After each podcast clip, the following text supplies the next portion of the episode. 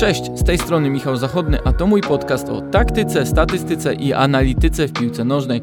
Możecie znaleźć go na Spotify, Google i YouTube. Zapraszam Was też do Viaplay, gdzie analizują i komentują mecze Bundesligi oraz europejskich pucharów.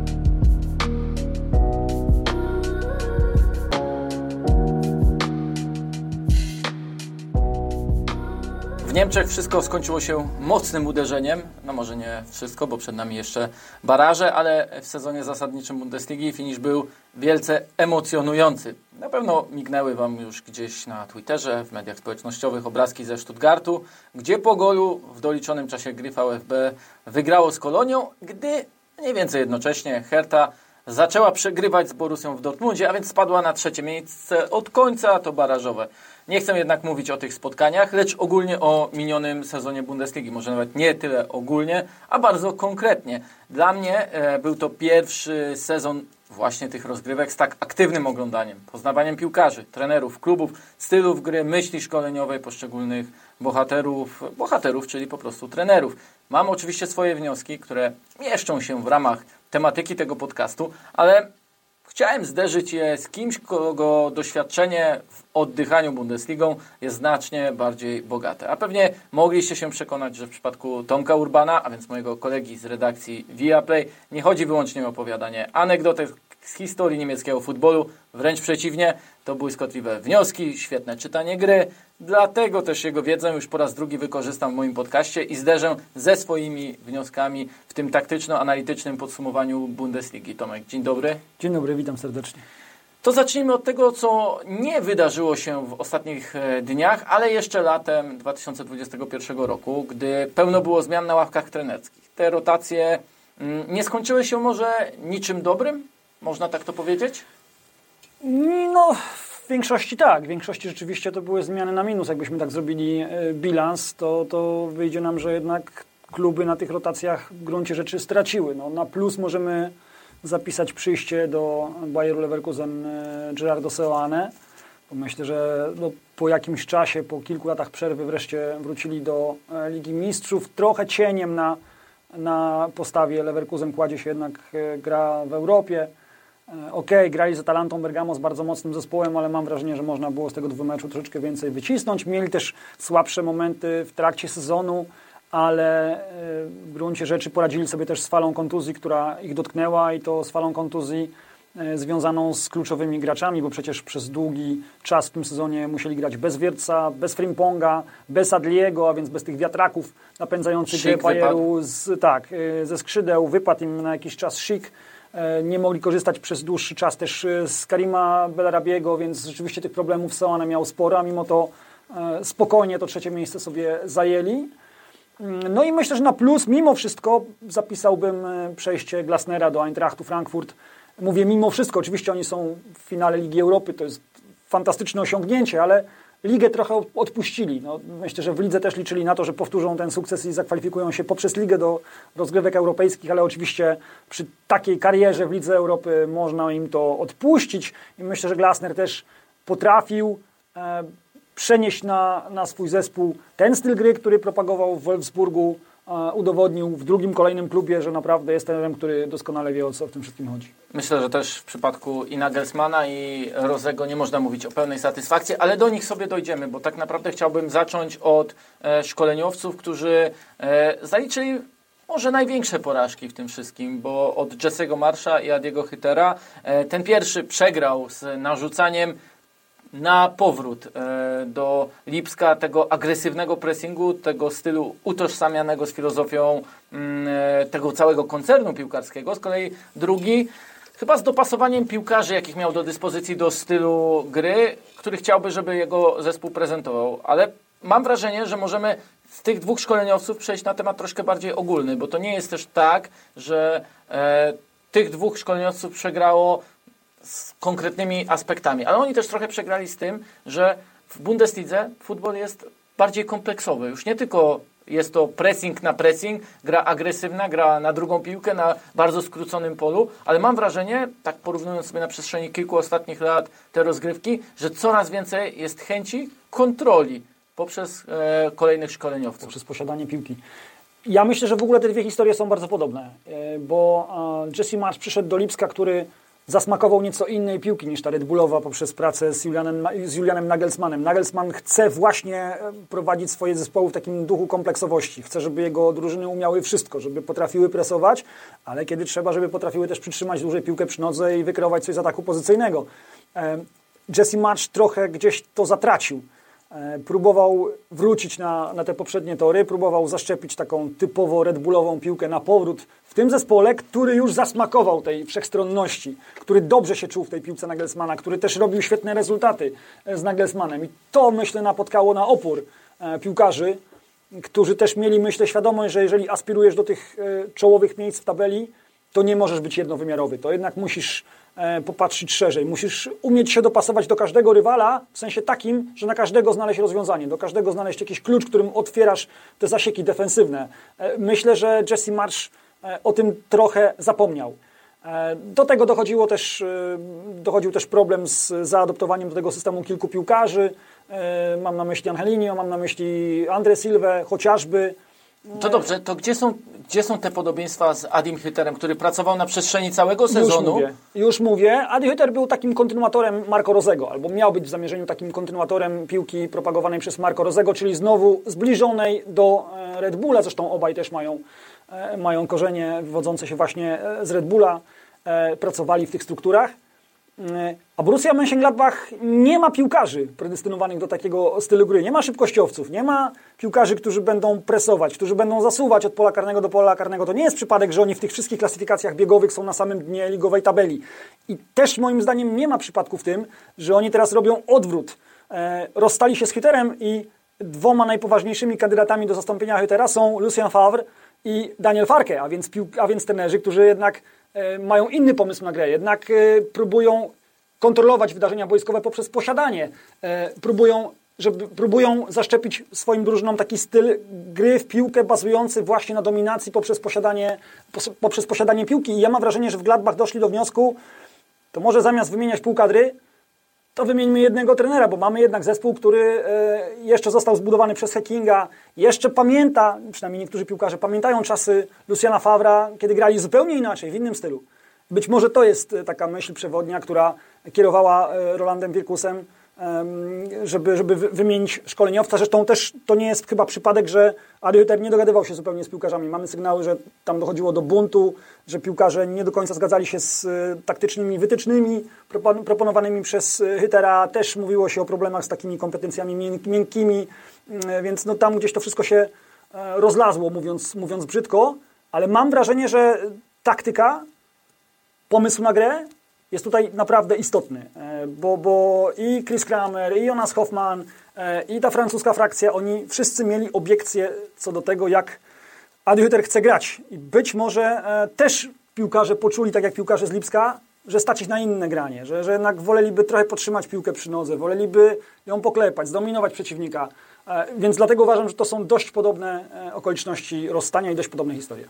Oczywiście futbol porusza się w takich cyklach, prawda? I ta historia taktyki również, choć te cykle przyspieszają, są troszkę krótsze niż były w przeszłości w Bundeslidze. Mam wrażenie, że od momentów, gdy ta liga była zdominowana przez zespoły grające agresywnym pressingiem na agresywny pressing, e, poprzez takie mecze, które były, mm, powiedziałbym, przypominały w stylu gry koszykówkę, bo działy się od pola do pola karnego. Wymusiło to na pewnych drużynach, pewnych trenerach bardziej pragmatyczne podejście, cofnięcie się, wykorzystanie przestrzeni, czyli taka, takie przebiegłe, reaktywne bardziej e, działanie kontrujące ten wysoki pressing, co z kolei skłoniło drużyny, e, które grały dotychczas wysokim pressingiem, do większego kontrolowania piłki. W tym sezonie e, najniższe PPDA, czyli ten współczynnik e, oznaczający intensywność pressingu przy rozgrywającej, rozgrywającej drużynie przeciwnika, mają Kolonia, która jak wiemy ma być drużyną ofensywną, ale kontrolującą piłkę. Po raz pierwszy od 10 lat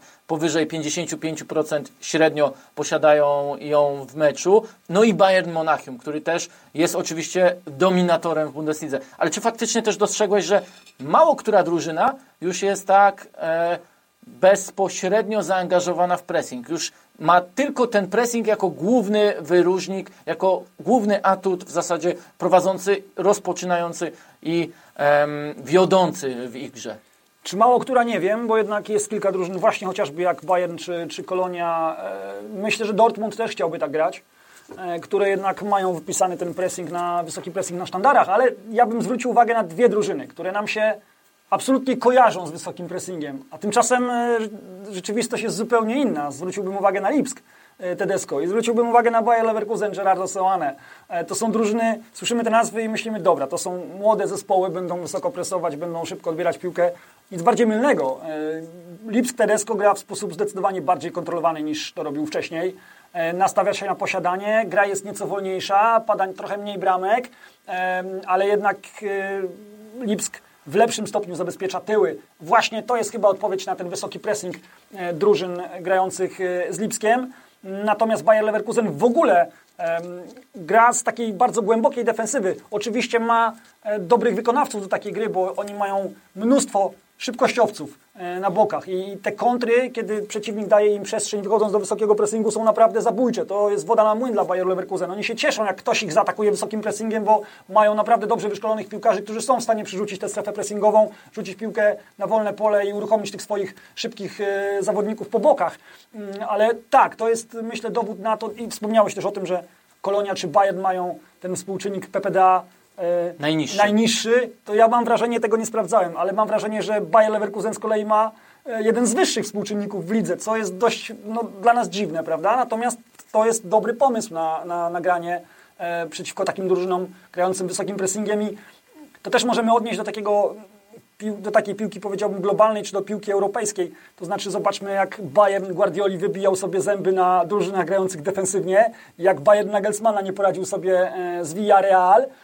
Ja mam wrażenie, że e, taka piłka defensywna w cudzysłowie oczywiście, bo też trudno powiedzieć, że reaktywna. Bayer Leverkusen... Reaktywna, okej, okay, bo też trudno powiedzieć, że Bayer Leverkusen grał defensywną piłkę, no to jest za dużo. Mhm. Ale taka piłka reaktywna gdzieś tam z fokusem ustawionym raczej na zabezpieczenie dostępu do własnej bramki, ale jeżeli masz jednocześnie dużo atutów w ofensywie, może ci przynieść docelowo na rynku międzynarodowym więcej korzyści niż, e, niż e, granie takie, jak właśnie próbuje to robić Nagelsmann, czy kiedyś próbował z Bayernem robić tak Guardiola. To od pressingu przejdźmy do dziewiątek, bo też o napastnikach chciałem porozmawiać. Zwłaszcza o tych napastnikach, których już nie będzie, czy też wydaje się, że już nie będzie w przyszłym sezonie Bundesligi, a więc o Erlingu Halandzie i Robercie Lewandowskim, e, bo wydaje mi się, że to jest dosyć e, ciekawa też ewolucja, jaka się zapowiada po stronie Borussii Dortmund, jak i tej Bayernu Monachium. Zacznijmy od pierwszych. E, co może zrobić Marco Rose,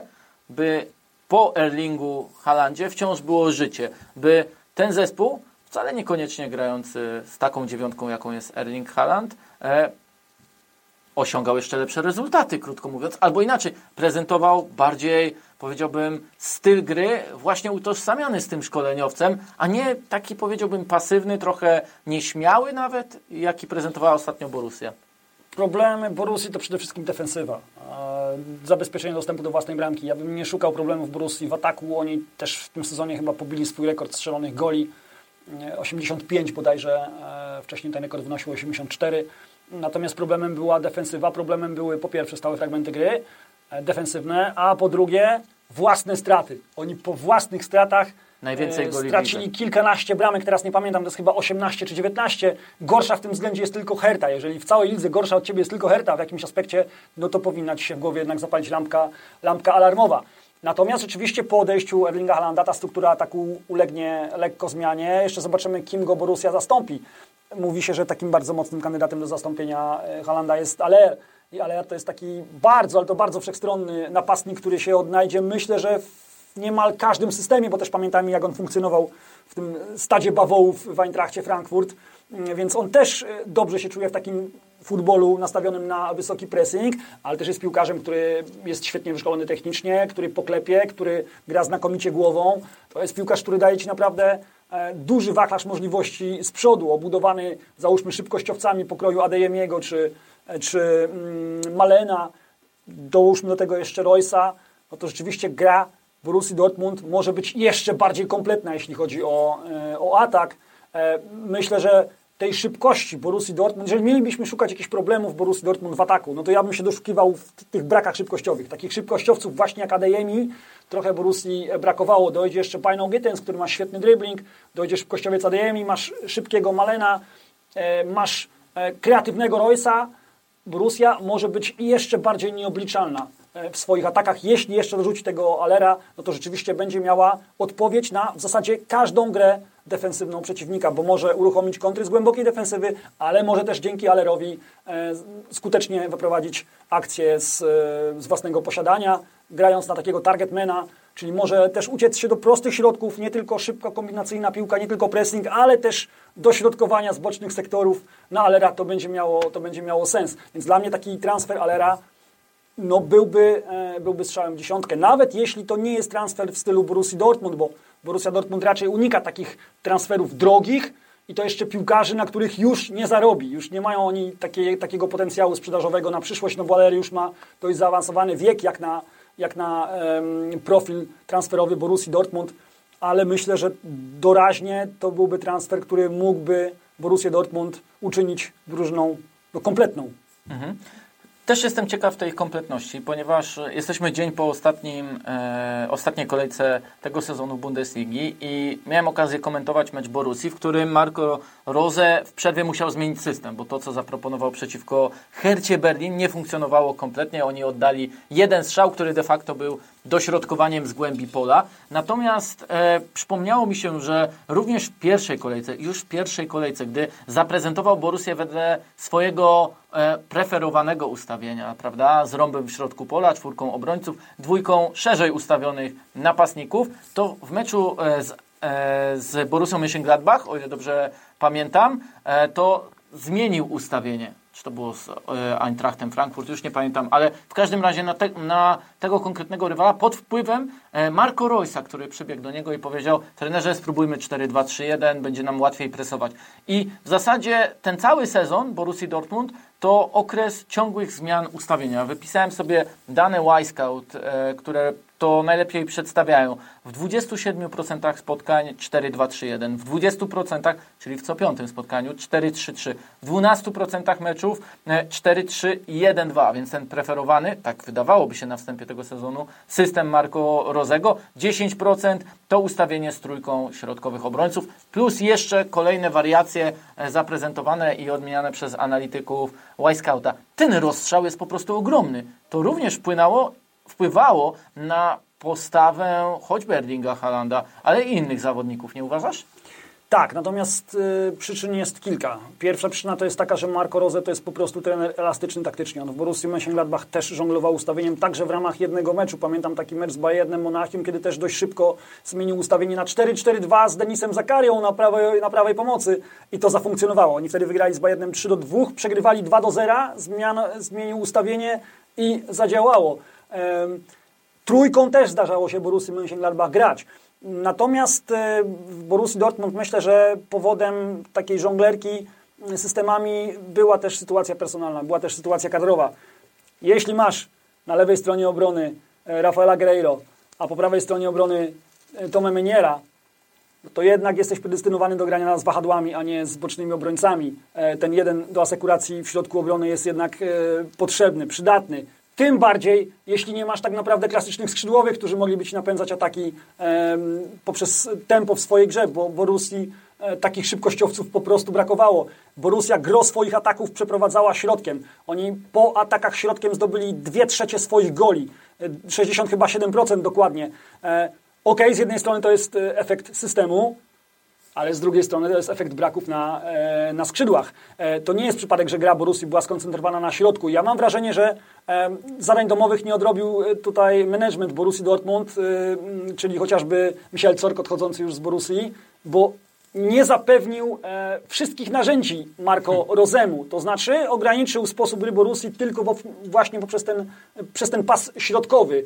E, i myślę też, że to też ma znaczenie, jeśli chodzi o przyszłość Marco Rozego. E, poza ligą, gdzie Borussia e, wypadła całkiem przyzwoicie, no bo trudno uznać za porażkę drugie miejsce, Borussia poniosła porażki na każdym polu. W Europie e, jedno wielkie fiasko, w Pucharze Niemiec odpadnięcie z drugoligowym St. Pauli, no to jest katastrofa. I to, że Marco Rose jest nienaruszalny w Borussii Dortmund, to ja mam wrażenie, że po części też jest efekt analizy struktury kadrowej, jaka, jaka została przeprowadzona w Borussii Dortmund. Oni doszli do wniosku, że no nie do końca dali trenerowi e, wszystkie narzędzia do ręki, jakie dać mu powinni. I to był chyba też powód, dla którego e, Marco Rose, jeden z powodów, może tak, dla, których, dla którego Marco Rose tak sobie żonglował tymi E, tymi systemami. Mm, Erling Haaland myślę, że odnajdzie się w każdym systemie, bo on ma jednak taki dość specyficzny styl gry, że, że szuka tych, tych zabiegnięć za linię obrony. No oczywiście ma swoje słabości, on to nie jest piłkarz jeszcze do gry kombinacyjnej, do, do gry tyłem do bramki, jeszcze tak gra głową pozostawia trochę do życzenia. On się oczywiście rozwija, on jest bardzo młody, on będzie robił postępy, ale no mam wrażenie, nie, o, oczywiście nie postawię tezy, że Sebastian Aller jest graczem lepszym od Erlinga Halanda. Nie, ale mam wrażenie, że jest graczem kompletniejszym, że gra, na tym etapie rozwoju Erlinga Halanda, że da Borussi, dałby Borussii, Borussii Dortmund troszeczkę więcej możliwości taktycznych z przodu. Przygotowując tę rozmowę, rozpisałem właśnie w takim skrypcie, że Bundesliga jest ligą dla napastników. Pod względem tego, ile goli strzelał Erling Haaland, że również Robert Lewandowski e, pakował tych e, goli mnóstwo w każdym praktycznie sezonie. Siódma armata króla strzelców już przez niego zdobyta. Natomiast właśnie przez tą e, kompleksowość gry innego rodzaju napastników, albo może nie tak typowych dziewiątek jak Haaland oraz Lewandowski, może być łatwiej szkoleniowcom i Borussii i Bayernu Monachium. E, Julian Nagelsmann na ostatniej przedmeczowej konferencji prasowej e, w tym sezonie wyliczał statystyki Roberta Lewandowskiego. Ile oddał strzałów, ile więcej miał od drugiego napastnika. Patrzcie, my pomagamy swojej dziewiątce, my tworzymy jej sytuację. Zresztą statystyki, jeśli chodzi o e, klarowne okazje niewykorzystane Roberta Lewandowskiego, także pokazują, że on mógł być nawet e, skuteczniejszy. Jednak, czy paradoksalnie odejście Roberta Lewandowskiego nie sprzyja Nagelsmanowi w budowaniu Bayernu pod jego wizję gry, jego wizję futbolu? Poniekąd tak, bo nie będzie już miał tego e, topowego gwiazdora, wokół którego koncentruje się cała gra. Wiemy, jak Robert jest pazerny na gole, rozegrał chyba największą liczbę minut e, w lidze w Bayernie w tym sezonie. Jest właściwie niezdejmowalny, bo za każdym razem chce te gole strzelać i pobijać rekordy. Jeżeli nie będziesz miał Roberta Lewandowskiego, stracisz mnóstwo jakości, oczywiście ale nie będziesz miał już takiej, przepraszam za wyrażenie, świętej krowy w składzie, której nie możesz dotknąć, której nie możesz ruszyć, której nie możesz przestawić w inny sektor boiska. To może być jakiś plus dla, dla Nagelsmana. E, oczywiście znalezienie zastępcy, który da podobną jakość jest e, zadaniem arcytrudnym. Będzie zadaniem arcytrudnym, tym bardziej, że wiemy, że Bayern nie jest skory do wydawania pieniędzy. Ale jego zmartwieniem może być też to, jak rozłożyć strzelanie bramek, czy też obowiązek strzelania bramek na większą liczbę zawodników. No więc właśnie, pamiętajmy też jak funkcjonował jego Lipsk e, z Timo Wernerem. Timo Werner z rzadka występował na pozycji numer 9, raczej Timo Werner schodził z lewego skrzydła do środka i tak Nagelsmann układał, układał grę, by, by te zejścia Timo Wernera z lewego skrzydła były skuteczne. To znaczy, gra Lipska bazowała głównie na prawej stronie. Oni skupiali przeciwnika na swojej prawej stronie, po czym następował przerzut na lewą stronę do tego właśnie schodzącego z lewego skrzydła, grającego szeroko Timo Wernera. On miał wtedy dużo miejsca, dużo przestrzeni, a tę przestrzeń potrafi wykorzystać. Nie jest przypadkiem, że zagrał wtedy sezon życia, którego na razie ani wcześniej, ani, ani później już nie, nie był w stanie e, powtórzyć. Ale pamiętajmy, że Nagelsmann potrafi też sobie radzić z klasycznymi dziewiątkami. Ja pamiętam, e, że w Hoffenheim zdarzało się mecze, kiedy wychodził na trzech nominalnych napastników, a jeszcze na ósemce e, wystawiał Andrzeja Kramaricia. E, no, to jest naprawdę ewenement. To jest trener, który myśli absolutnie do przodu mm, i on sobie poradzi jeżeli chodzi o taki warsztat stricte piłkarski, o tym jestem święcie przekonany. Problemem może być cała otoczka, jaka panuje wokół Bayernu.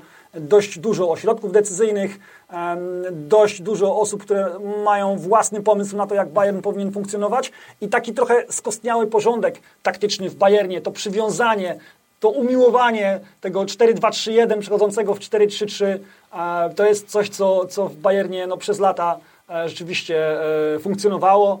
I myślę, że nie jest przypadkiem, że e, w sytuacji, kiedy Julian Nagelsmann tak odważnie zaczął stawiać na system z trzema środkowymi obrońcami, bo pamiętasz, jak mówiliśmy kiedyś, że oni grają... Ukrywa. Tak, grają taką ukrytą trójką. Natomiast mam wrażenie, że od rundy wiosennej to już nie była ukryta trójka, to była po prostu trójka. I ja mam wrażenie, że um, Karl-Heinz Rummenigge, mówiący ostatnio um, o Nagelsmanie, świetny trener, znakomity, wspaniały, kapitalna jesień, ale na wiosnę popełnił już troszeczkę błędów, to już nie było to, co na jesień, że jeszcze musi się uczyć i tak dalej. To jest szpilka w te wybory taktyczne Juliana Nagelsmana, to jest ta tęsknota za graniem, przepraszam za wyrażenie, po Bożemu, żeby Bayern po prostu funkcjonował w tym systemie z czterema obrońcami, bo też trzeba powiedzieć, że w tym systemie z czterema obrońcami, czy za Flika, e, czy za Heinkesa wygrywał Ligę Mistrzów, to najlepiej funkcjonowało. E, I być może e, Karl-Heinz Rummenigge no, nie jest zwolennikiem takich, powiedziałbym, eksperymentów taktycznych, Pamiętam też, kiedy e, Niko Kowacz chciał w Bayernie przetestować ten system z trzema obrońcami, to się po prostu odbił od ściany. To, to spotkał się z e, bardzo gwałtowną reakcją e, Rumenigiego znowu w mediach, który, który no, był bardzo niezadowolony z pomysłów Kowacza na, na takie, a nie inne granie Bayernu, więc rzeczywiście no, nie jest łatwo Nagelsmanowi forsować w Monachium własne pomysły taktyczne. Jednak spora część drużyn w Bundeslidze stosuje grę z trójką środkowych obrońców. Było to dla mnie, jak sobie podsumowywałem ten sezon, dosyć sporym zaskoczeniem, że nie zagrali trójką, formacją, formacją trójki obrońców, e, czy też ustawieniem stosującym właśnie trójkę obrońców, tylko trzy drużyny, Bochum, Arminia oraz e, Kolonia. To oczywiście pokazuje uniwersalność taktyczną z jednej strony, ale zastanowiło mnie to, ponieważ Bundesliga, przynajmniej moim zdaniem, wcale nie posiada bardzo dobrych środkowych obrońców. Czy może dlatego wygodniej jest trenerom wystawić trzech, trzech takich, którzy lepiej będą asekurowali ten środkowy korytarz, światło bramki? A może widzisz jakąś inną przyczynę, dla której no, ta proporcja, oczywiście Niemcy to pamiętamy z Libero, zawsze lubili grać trójką, ale od lat, od choćby Jurgena Kloppa, wydawało się, że zawsze to ustawienie 4, 2, 3, 1 będzie tym e, wiodącym. To jest jeden z głównych powodów, może nawet najważniejszy, że rzeczywiście e, no, gdzieś tam ta jakość środkowych obrońców e, trochę kuleje w Niemczech. To też nie jest przypadek, że, że w defensywie generalnie Niemcy mają duży problem, jeśli chodzi o pierwszą kadrę. No, mamy teraz Rudigera w Niemczech, który jest absolutnym liderem, ok, natomiast przy schodzącym ze sceny Hummelsie no, mamy Zyle, mamy Schlotterbecka, to są fajni, bardzo fajni piłkarze, ale też gdzieś tam nie jest to albo ścisły europejski top, albo, albo dopiero do tego topu, jak w przypadku Schlotterbecka, zmierzają.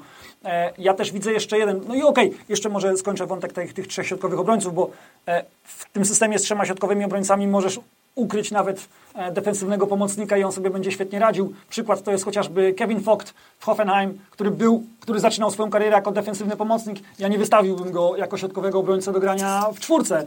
E, podobnie zresztą jak Florian Grillć, który jest typowym środkowym pomocnikiem, a w Hoffenheim też często grywał jako ten jeden z trzech. Możesz ich w takim systemie spokojnie ukryć, e, bo też jak grasz na trzech środkowych obrońców, to ten jeden środkowy obrońca musi myśleć do przodu, musi próbować crossów, musi próbować przekątnych zagrań, musi się podłączać więc no, to jest taka łamana pozycja, bym, e, bym powiedział. Ale jeszcze widzę jeden, jeden e, przyczynek do, do tego, że wystawiają trzech środkowych obrońców. Brak klasowych skrzydłowych. Coraz mniej, myślę, w Bundeslidze jest piłkarzy, e, którzy na tempie potrafią minąć przeciwnika, potrafią dobrze dorzucić z bocznego sektora boiska, bo tacy piłkarze są momentalnie wyłapywani przez te najbogatsze kluby. No i w ten sposób, stawiając na wahadła E, no, troszkę sobie ułatwiasz sprawę i e, no, omijasz potrzebę posiadania klasowych e, skrzydłowych. No to teraz tak. E, czyja decyzja taktyczna, podsumowując ten sezon Bundesligi, na jeden mecz albo zmiana w trakcie sezonu ze względu na jakiegoś zawodnika lub jego brak, wydała Ci się najciekawsza? Czy masz jakiegoś takiego kandydata, którego mm, powiedziałbym właśnie ruchy, rotacje, szarady, roszady okazywały się i najciekawsze i może najbardziej spektakularne? Wiesz co, przypominam sobie jeden mecz. E, Borussia Mönchengladbach FSV Mainz. Taki mecz bardzo niepozorny. Pierwsza połowa zdecydowanie dla Borussii. Wszystko tam e, grało. Kapitalne prostopadłe podania przez dwie strefy. Manu Kone, Mainz w totalnej defensywie. Embolo strzelający gola. Embolo strzelający gola po fantastycznej akcji Borussii. Po takiej typowej akcji e, Borussii z okresu pracy Luciana Favra czy Dietera Heikinga, czyli dużo podań, dużo kreatywności, dużo mobilności. I na drugą połowę Mainz wyszło w skorygowanym ustawieniu. e, zamiast jednego napastnika wyszli na dwóch. E, ten pressing działał już zupełnie inaczej i oni w tej drugiej połowie zdemolowali wręcz Borussię. Nie mówię o wyniku, bo mecz, mecz skończył się wynikiem 1 do 1, co było cudem, bo Mainz miało mnóstwo sytuacji w tej drugiej połowie i cudów w bramce dokonywał Zomer, ale tym jednym taktycznym przesunięciem piłkarza grającego niżej, aby grał wyżej, aby atakowali środkowych obrońców agresywnie e, we dwójkę, nie, nie, nie w pojedynkę. No, bo Svensson całkowicie, diametralnie odmienił losy tego meczu, a Adi Hütter oniemiał.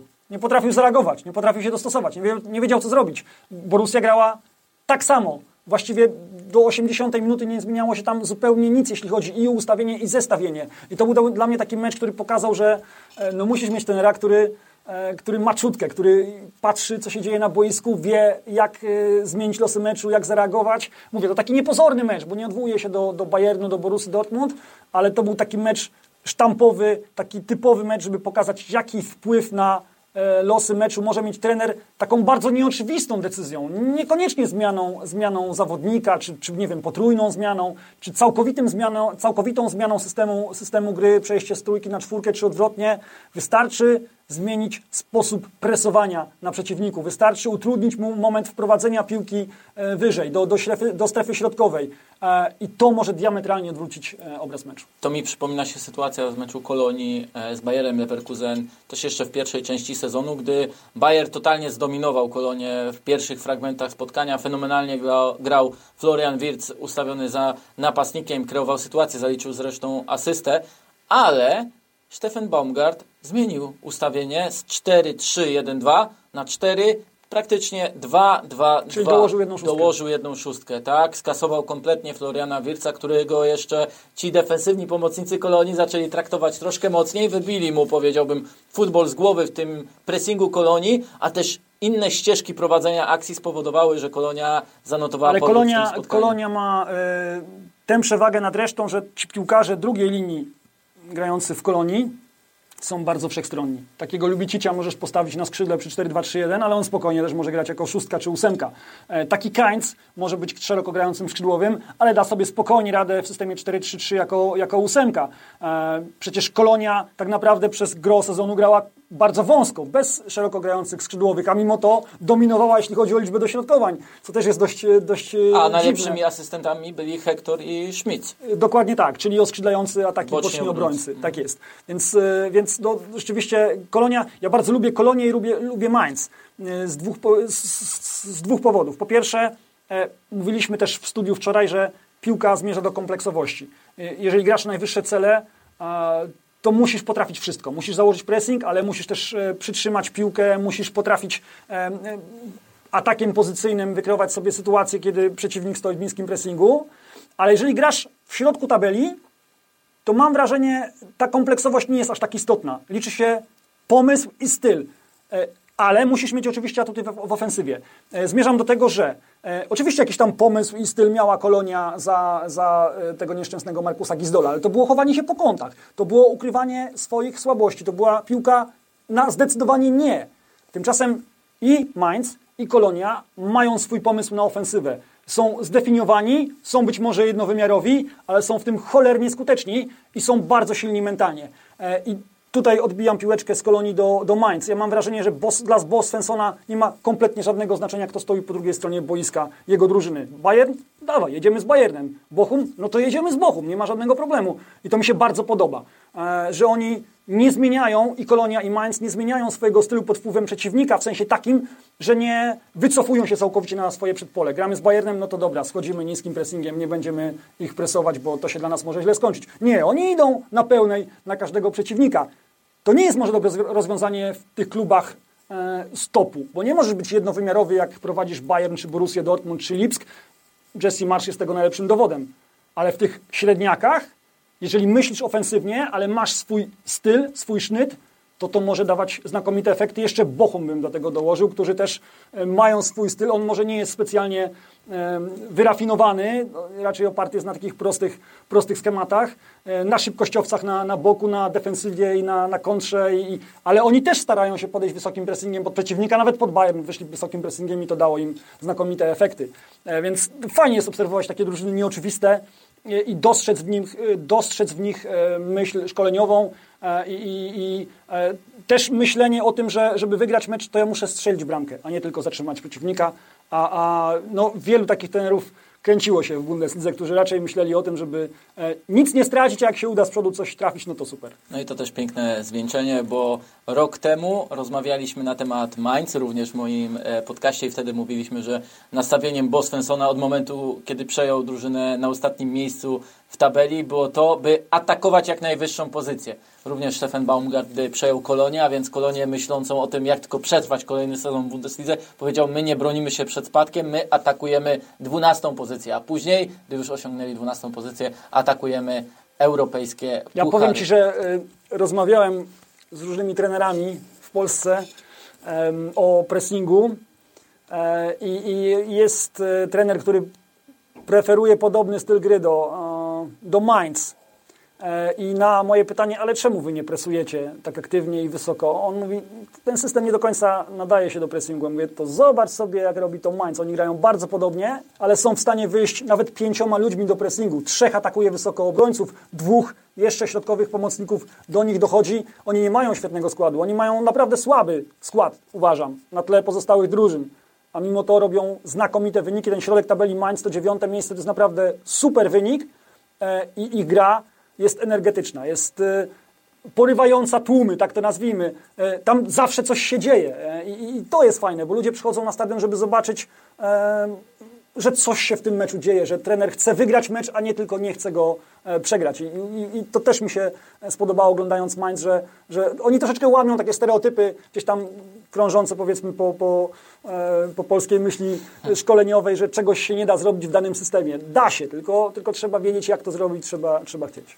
Na koniec chciałbym Cię zapytać o taką kwestię, która nie daje mi spokoju. Nie daje mi spokoju w zasadzie od pierwszych tygodni tego sezonu. Tak jak wspomniałem, e, cała praca przy Bundeslidze była dla mnie nowa. Wcześniej żyłem praktycznie z tygodnia na tydzień zupełnie innymi rozgrywkami, e, ale do Bundesligi zaglądałem chętnie, choć na mecze głównie tych najlepszych zespołów. Natomiast mając do dyspozycji i wszystkie narzędzia analityczne, i wszystkie mm, te narzędzia statystyczne, które dostarcza sama Bundesliga, mi narzuciło się bardzo to, że często jest mowa o szybkości, o przyspieszeniach, o sprintach, e, kto ile przebiegł, e, w jakim, mm, e, jakiej szybkości, prawda, ile sprintów wykonał, te dane są wszechobecne. Siedzimy w budce komentatorskiej, gdy nagrywamy ten odcinek. E, już włącza się stream z drugiej Bundesligi. Natomiast ja już mam przed oczami te grafiki, gdy wjeżdżają.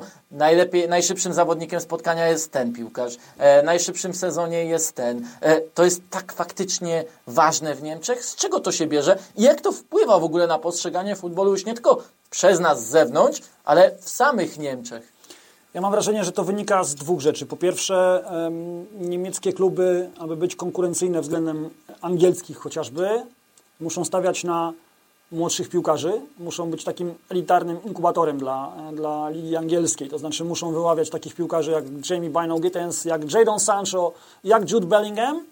E, wiadomo, że młodość to też szybkość, to też intensywność. To jest pierwszy aspekt e, i dlatego to jest tak istotne. A drugi aspekt to to, co Ty powiedziałeś, że e, rzeczywiście dużo klubów poszło drogą Lipska. W pewnym momencie ten wysoki pressing stał się taką no, na swój sposób obsesją. A wysoki pressing sprawia, że żeby był skuteczny, to i obrońcy muszą się podsunąć wyżej. A jak się obrońcy podsuną wyżej, no to masz dużo przestrzeni za, za obrońcami, e, dużo wolnej przestrzeni, którą możesz wykorzystać. E, a żeby wykorzystać tę przestrzeń, musisz mieć szybkościowców. I mam wrażenie, że stąd taka, taka obsesja żeby, żeby rzeczywiście gdzieś tam skupiać się na tych, e, na tych e, statystykach. No Bochum jest tutaj najlepszym przykładem. No oni jakości piłkarskiej mają naprawdę malutko, ale mają na skrzydłach naprawdę bardzo szybkich piłkarzy i na, tej, na tym wykorzystaniu przestrzeni właściwie zbudowali całą narrację w tym sezonie. No to jest kluczowy, kluczowy czynnik. E, Julica Wraniec, skoro mówimy o drugiej Bundeslidze, za chwilę Werder walczy o, walczy o powrót do do pierwszej Bundesligi. Przed meczem Werderu napisał, e, pisząc właśnie o potrzebach Werderu w kontekście pierwszej Bundesligi, że e, no Werder potrzebuje wzmocnienia na trzech, czterech pozycjach, ale przede wszystkim potrzebuje szybkościowców, bo jak nie masz szybkości w pierwszej Bundeslidze, to jesteś martwy. I myślę, że to jest fajna puenta tego, o czym my rozmawiamy. Tak, potrzeba szybkościowców. Tak, Borussia Dortmund potrzebuje szybkościowców, bo nie zrobi kroku do przodu, nie mając szybkich piłkarzy. Borussia, Borussia Mönchengladbach nie będzie grała w stylu Lipska, bo nie ma szybkich piłkarzy. E, I dlatego przestawia się na inne granie. Więc jest to czynnik, który rzeczywiście odgrywa kluczową rolę. Tomku, dziękuję Ci za ten podcast i dziękuję Ci za cały sezon. To była przyjemność. Wracamy oczywiście od sierpnia, już także myślę z innymi rozgrywkami, ale to była wielka frajda móc z Tobą rozmawiać przez cały sezon o Bundeslidze. Z wzajemnością, Panie Michale.